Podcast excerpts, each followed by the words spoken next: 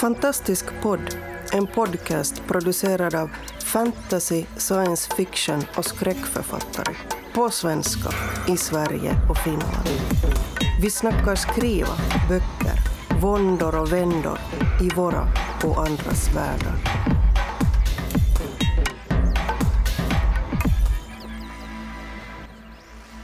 Hej och välkomna Hej. till uh, Fantastisk uh, podd som i, idag då uh, bandar live från Helsingfors bokmässa. Uh, vi är då Finlandsgruppen och, och det finns då tre andra grupper i Sverige uh, men de får inte vara med idag utan det är bara vi.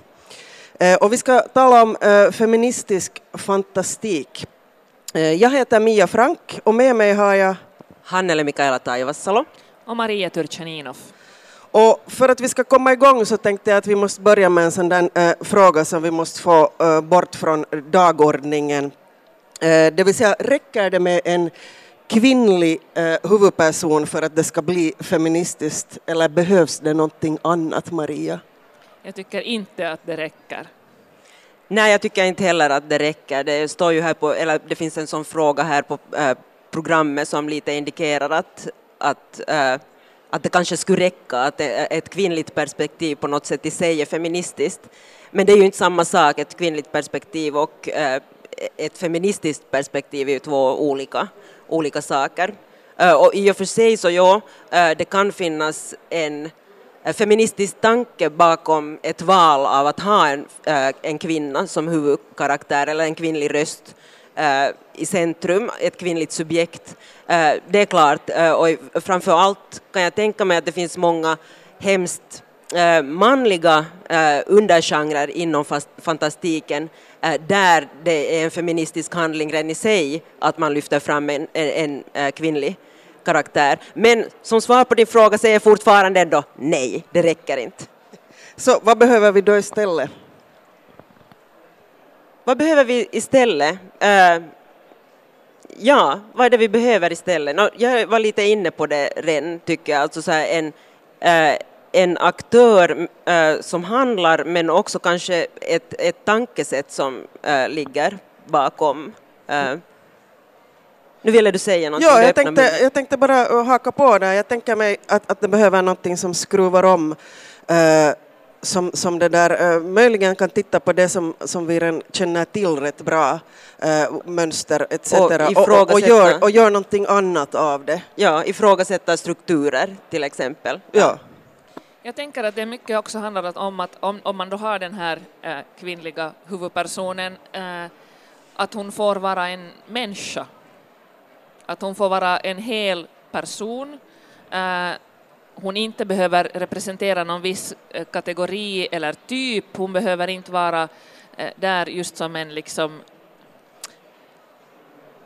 rekvisita och, um, och hon behöver inte uppfylla just till exempel uh, sådana förväntningar som på den starka kvinnan som jag, vi har diskuterat tror jag i någon podd förut också om, om, om hur, hur allergisk jag är mot uttrycket starka kvinnor i till, till exempel då fantastiken.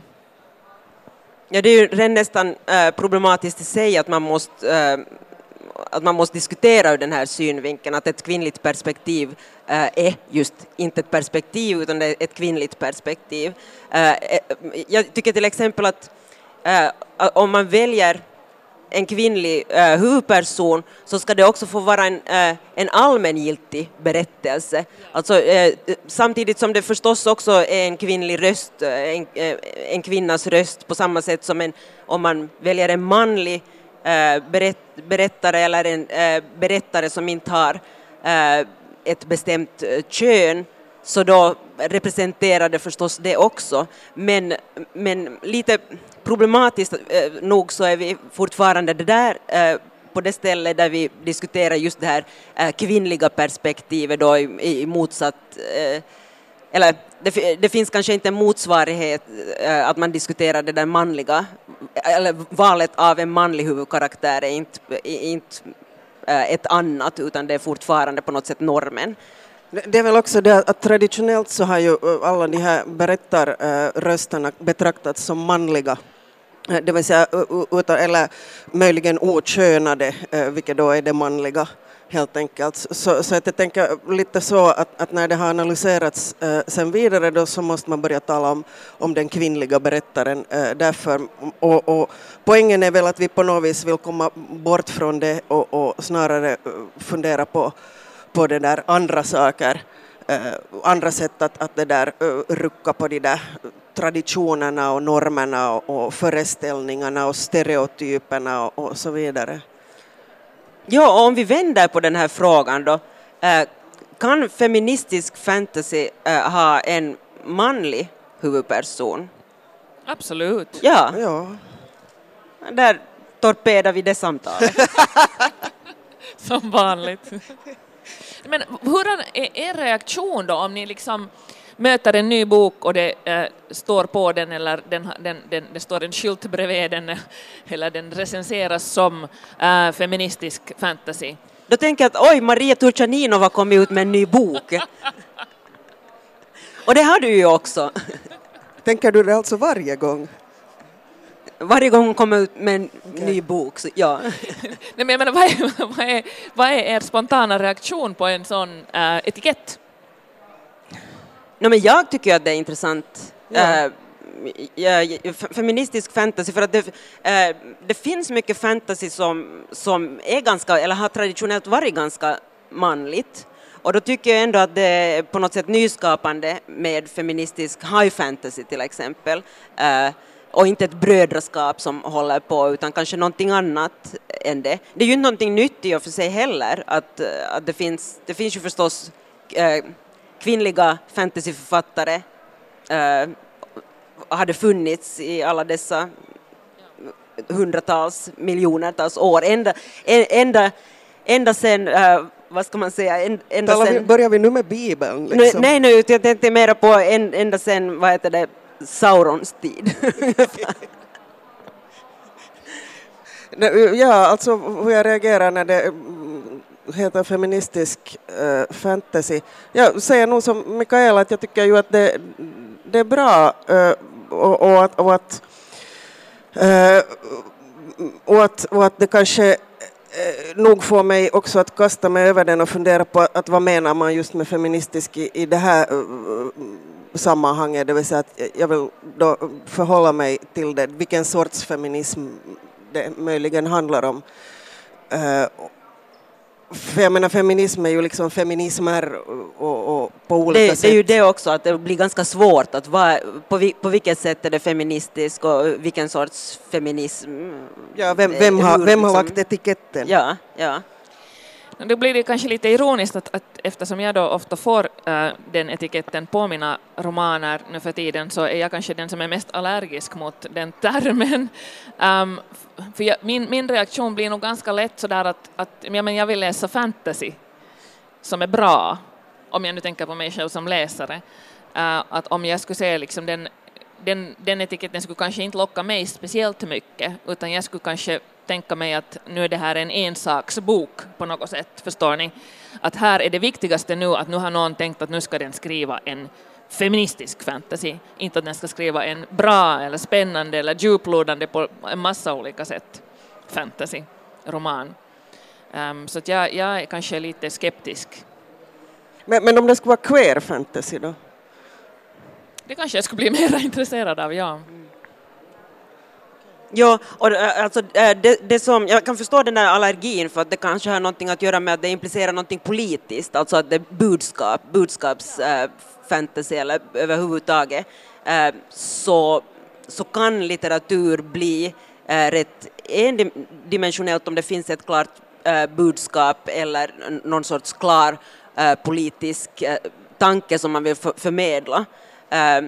Så litteratur ska ju vara på, äh, tycker jag, ett ställe där man kan tänka och det kan äh, absolut också vara äh, politiskt och också feministiskt förstås, men det ska vara så mycket mer än det, det ska inte vara en pamflett. Ja, och sen... vad, vad menar du med politisk? ja, att man till exempel har Eh, ett, så, som Skandorama till exempel, att jag vill problematisera eh, just vårt samhälle, hur, hur det ser ut och kanske till och med har en klar åsikt som jag också eh, på något sätt som syns i den där litteraturen. Politisk litteratur, no, nu är det ju kanske inte politisk litteratur för det finns inte ett politiskt, klart politiskt budskap vem man ska rösta sorry, på. det var en enorm men, fråga. Men... men kanske mera samhällskritisk, alltså, och, och det tycker jag att litteraturen ska få vara och, och, också behöver kanske vara, speciellt i de här tiderna nu när, äh, när det finns en massa saker i vårt samhälle som det är bra att problematisera. Men ja, politisk litteratur är kanske inte riktigt rätt äh, term utan mera liksom så här, äh, samhällskritisk litteratur. Ja, alltså ja. Det köper jag. Förlåt Maria, ja. jag avbröt dig. Hur mycket alltså, betalar du? det, det, jag insåg att också en av orsakerna tror jag till varför jag då reser lite ragg när jag ähm, hör eller läser den här termen är att jag tycker inte om att någon ska tala om för mig hur jag ska läsa den här boken. Alltså, det är ju, någon har redan sagt åt mig att nu ska du läsa den på det här sättet. Eh, detta är budskapet eller detta är temat som du nu förväntas plocka upp. Ehm, och jag skulle gärna vilja få bestämma det själv när jag läser. Ja, det är ju kanske lite så med alla etiketter, eh, oberoende av vad det är för slags etikett så så ger det på något sätt en lite för stark läs, eller öppnar just den läsporten och det finns Precis. kanske många ingångar som, som blir svagare om man, om man har någon sorts förförståelse för, för det där verket, det är sant. För det, ja. det går ju också på något sätt, tycker jag, trender i det där. Um, för det finns, jag menar, just jag tänker på, min, på mina egna romaner och på vilka teman jag har haft i dem. Um, så ett tema som för mig är precis lika genomgående och, lik, och ännu viktigare eh, än feminismen är, är miljöfrågorna, miljömedvetenhet och människans relation till sin omgivning. Um, men det har inte varit på samma sätt liksom trendigt helt enkelt att lyfta fram. Det, det är inte någonting som har nämnts nu på ganska många år. Uh, och därför var jag extra glad att jag fick vara på torsdagen med i en, en paneldiskussion om uh, klimatförändringen. För då det kändes det som att någon har sett att det faktiskt är väldigt mycket sånt jag också skriver om i mina böcker. Så jag menar just att också det, liksom att det går ju det går trender i det här, vad, vad man väljer att lyfta fram i, i vissa texter. Jag, jag bara tänker mig att, att det där med feministisk fantasy, åtminstone för mig, alltid betyder alltså betydligt mer. Att det, framförallt handlar det om att det finns någon slags eller åtminstone tänker jag mig att när jag ser den etiketten så handlar det om att det finns någon slags kritik, eh, lite som du var inne på, eh, samhällskritik etc och, och sådär. Och, och, att, och orsaken till att jag tycker att det är fascinerande är, är att eh, det behöver inte handla om, om, om genuskritik per se, utan det kan handla till exempel om eh, ekologisk ja, kritik precis, av ja. olika slag. Och, och, och, jag tänker när, när jag själv skriver, vi har någon gång i en tidigare podd så har vi redan klättrat ut ur vårt uh, inte alls så hemliga skåp och berättat att vi är feminister. Va? så, så det där, förneka, förneka. men, men jag vet att vi har sagt det, det finns på band.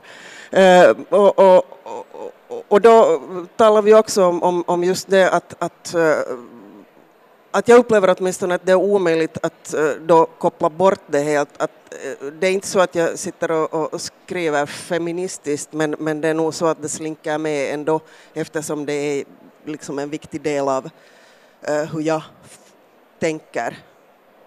Ja, nu, nu hade jag en impuls, men min impuls var att säga samma sak som du just sa, så, så jag kväver den impulsen. Men ja, det där var vi inne på, det är ju det som är sant. Alltså det, det, det sätt man, eller synen på världen eh, kan man inte kasta, kasta av sig när man skriver och det ska man ju förstås inte heller göra. Eh, det är ju ingen mening med det.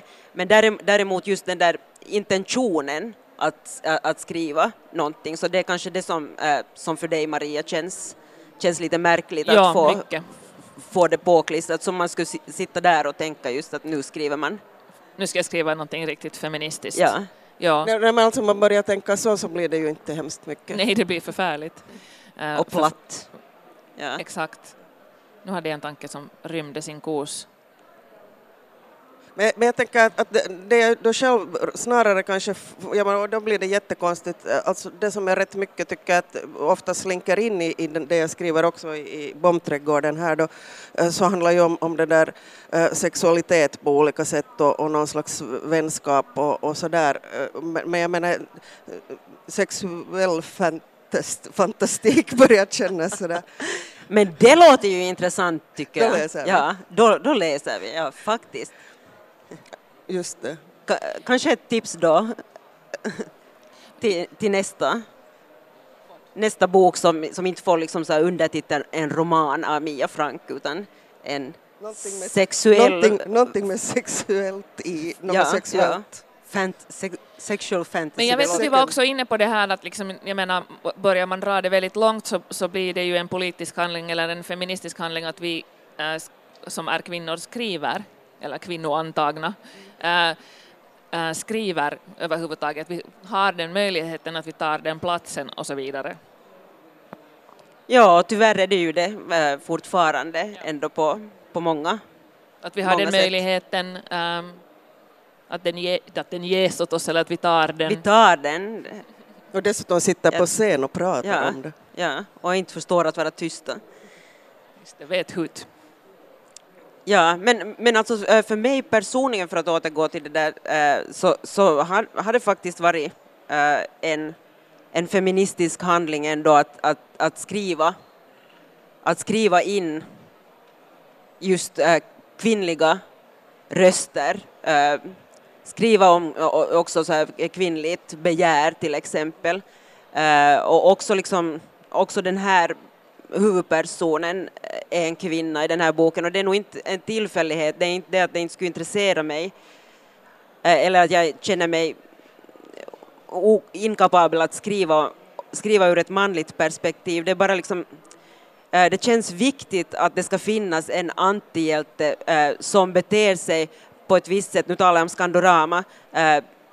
Jag skriver i olika genrer hela tiden, men Skandorama är nu äh, en grafisk novell, men äh, en dystopi. Dessutom, ganska klassiskt äh, bygge. Eh, och det är en ganska klassisk typ av antihjälte eh, som, som eh, presenteras där, men en eh, typ av antihjälte som brukar vara en man, alltså så här, en, en sorts äh, scoundrel, eh, scoundler, en sorts eh, så här, uh, lite opålitlig uh, antihjälte hjälte som, som, vad heter det, som, som, uh, som är liksom som värnar om sin frihet och som tycker att det är viktigt att vara, att vara fri och att gå sin egen väg. Och det är på något sätt en, en, en arketyp, men det är en manlig arketyp. Och, och det är nog liksom, på något sätt, kanske inte helt medvetet, men, men, utan mycket intuitivt, men nog också liksom en medveten en sak som jag var medveten om och tyckte om när jag skrev det. Men, men rätt mycket det som du redan sa i början Maria, då det här med att, att man vill ju skriva en människa, det vill säga jag tänker mig att, att för att göra en, en, en bra figur så, så, eller person eller karaktär eller vad vi nu vill kalla det, så, så, det där, Person. så, så, så handlar det ju om att försöka skapa någon slags uh, människa. Uh, och, och människor är ju helst då uh, dynamiska och, och har gärna tillkortakommande och, och de ljuger och, och, och det där och, och, vill inte säga allt och, och, och, och, är alltså små och futtiga på något vis. Uh, lite så tänker jag då och, och, och, och, jag tror ju att, att det på något vis handlar väl mer om, om, om, om det då, att man vill ju då göra den här människan Precis, med betoning på just människan. Ja. Ja. Det finns nog vissa saker, om jag nu börjar då, äh, tänka efter själv också, som, som jag har gjort på ett sätt kanske mer medveten än, an, medvetet an, än andra när jag skrev breven från Maresi. Um, eftersom den då kategoriseras som en ungdomsbok och det handlar om en ung flicka, hon är 17 år i den här boken, um, så var jag nog väldigt... Um, jag ville till exempel att hennes första sexuella upplevelse inte måste vara den stora kärlekshistorien i boken. Att, hon, att det är helt okej för, en, för en ung kvinna. Ja, så anti-romance. på det något sättet, sätt, ja. Eh, att, att det behövde inte vara att åh, liksom, det var han med stort H genast och så här. Äh, och, och det var någonting som jag nog absolut vände mig mot i hur det brukar beskrivas just i ungdomsromaner. Och likaledes um, så har vi haft en, en trend som har pågått alldeles för länge med uh, framförallt i ungdomsromaner och också just i ungdomsfantasy med manliga uh, hjältar, den, den manliga liksom, Eh, kärleksföremålet för hennes då, eh, eh, längtan som, som beter sig som skitstövlar. Som, som, är, som är, det vill säga egentligen alla röda klockor, alla röda fanor borde, borde fladdra och klock, varningsklockorna borde ringa för att han inte tar hennes nej som ett nej. Uh, han tror inte att hon kan ta hand om sig själv så han måste hela tiden beskydda henne fast hon säger att hon inte behöver beskyddas. Um, han, han står och tittar på henne när hon sover utan att hon vet om det och det ska då anses på något sätt vara romantiskt. Um, och, och, det var någonting som jag verkligen uh, ville skriva mig bort från. Uh, att det här är faktiskt inte som en god man beter sig. Och, och det är inte så att, att sen kan hon rädda honom och göra honom snäll med sin kärlek, det vill jag inte heller. Uh, den, den stereotypen vill jag liksom inte uh, bygga vidare på. Och, och det här kan man ju naturligtvis nog se som ganska feministiska handlingar om man vill. Jag tänker att, att, att det jag gjorde i så fall, just sådär, eh, om man funderar på vad man har någorlunda medvetet tänkt kring, kring det feministiska i ens eh, bok här då. Eh, så, så, för mig handlar det ju om att, att jag skulle då skriva om krig eh, och, och de, de, krig vi har haft i Finland. Och, och jag ville e- egentligen inte skriva om krig utan, utan jag ville skriva om krig på mitt sätt. Och, och för mig börjar krig väldigt långt handla om om liv, det vill säga om att leva, om att överleva, uh, om att finnas i en massa olika sorts krig men, men ändå behöva behöva liksom fortsätta leva. Och, och, och det var väldigt långt det där. Eh, ett, ett kvinnligt perspektiv på det, det vill säga eftersom jag inte skickar någon till någon front så, handlar det om att, att hur, är det, eh, hur är det hemma? Eh, och, och jag fick en fråga när jag hade, använde då, en del autentiska brev som min mormor hade, hade skrivit och fick en fråga som handlade om, om eller ett förslag om att, att, att sätta in mer om kriget, men, men det där, hon skrev uh, ingenting uh, om kriget i, i, sig, utan det enda hon skrev uh, handlade om uh, trasiga fönster och, och det där, uh, att det inte fanns mat. Uh, och, och, allt däremellan så handlade om, om hur lever vi. Det var väldigt mycket uh, då hur mycket socker fick till exempel eh, sonen och, och så där, alltså konfekter och så vidare, att, att det blev det viktiga, eh, det vill säga att leva. Och, och, och, jag tycker att det var också befriande och, och för mig nog kändes det feministiskt då på något vis, att, att det just, eh, att kriget fick ett, fick andra glasögon för mig och, och det var skönt. Mm, det där att, att ge en röst åt, åt sådana som inte har haft en, en röst, eller inte nödvändigtvis har haft en så stark röst i, i historien, i de historier som finns. Ja, absolut, och, och, och, och det där dessutom faktiskt göra den där rösten extra uh, jobbig på något vis eftersom jag valde att gå väldigt mycket in i den uh, genom en jag-berättare eh, av den orsaken att jag inte ville att hon skulle säga allt. Ja, ja. Som då är liksom äh, lite opålitlig som... Eller mycket. Eller mycket. och jag menar just det där opålitliga på något vis tycker jag att är, är kanske det som fascinerar mig äh, mest i olika feministiska äh, fantasy-texter. Också Maria Turchaninovs. Som ju är en alltså, feministisk fantasyförfattare. Just det. Och, och äh, sån här ekofeministisk fantasyförfattare. Du kan få jättemånga etiketter ännu. Och hur blir man av med dem sen? Man, ja, du får väl skriva en chauvinistisk, chauvinistisk fantasy. fantasy. Som ett litet tips. Ja. Men nu, äh, nu ska vi väl vara tysta då äh, och gå hem och skriva istället på våra chauvinistiska framtida chauvinistiska fantasyn och tacka för, för oss.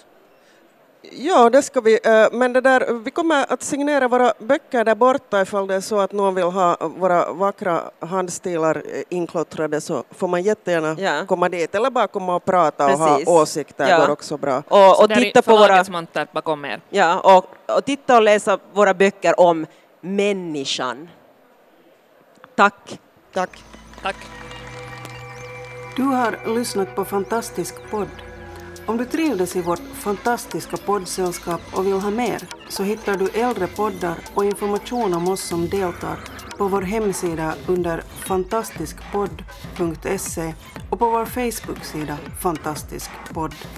Har du frågor eller förslag på vad du tycker att vi ska tala om, hör gärna av dig antingen på Facebook eller via kommentarer på hemsidan. Vi hörs!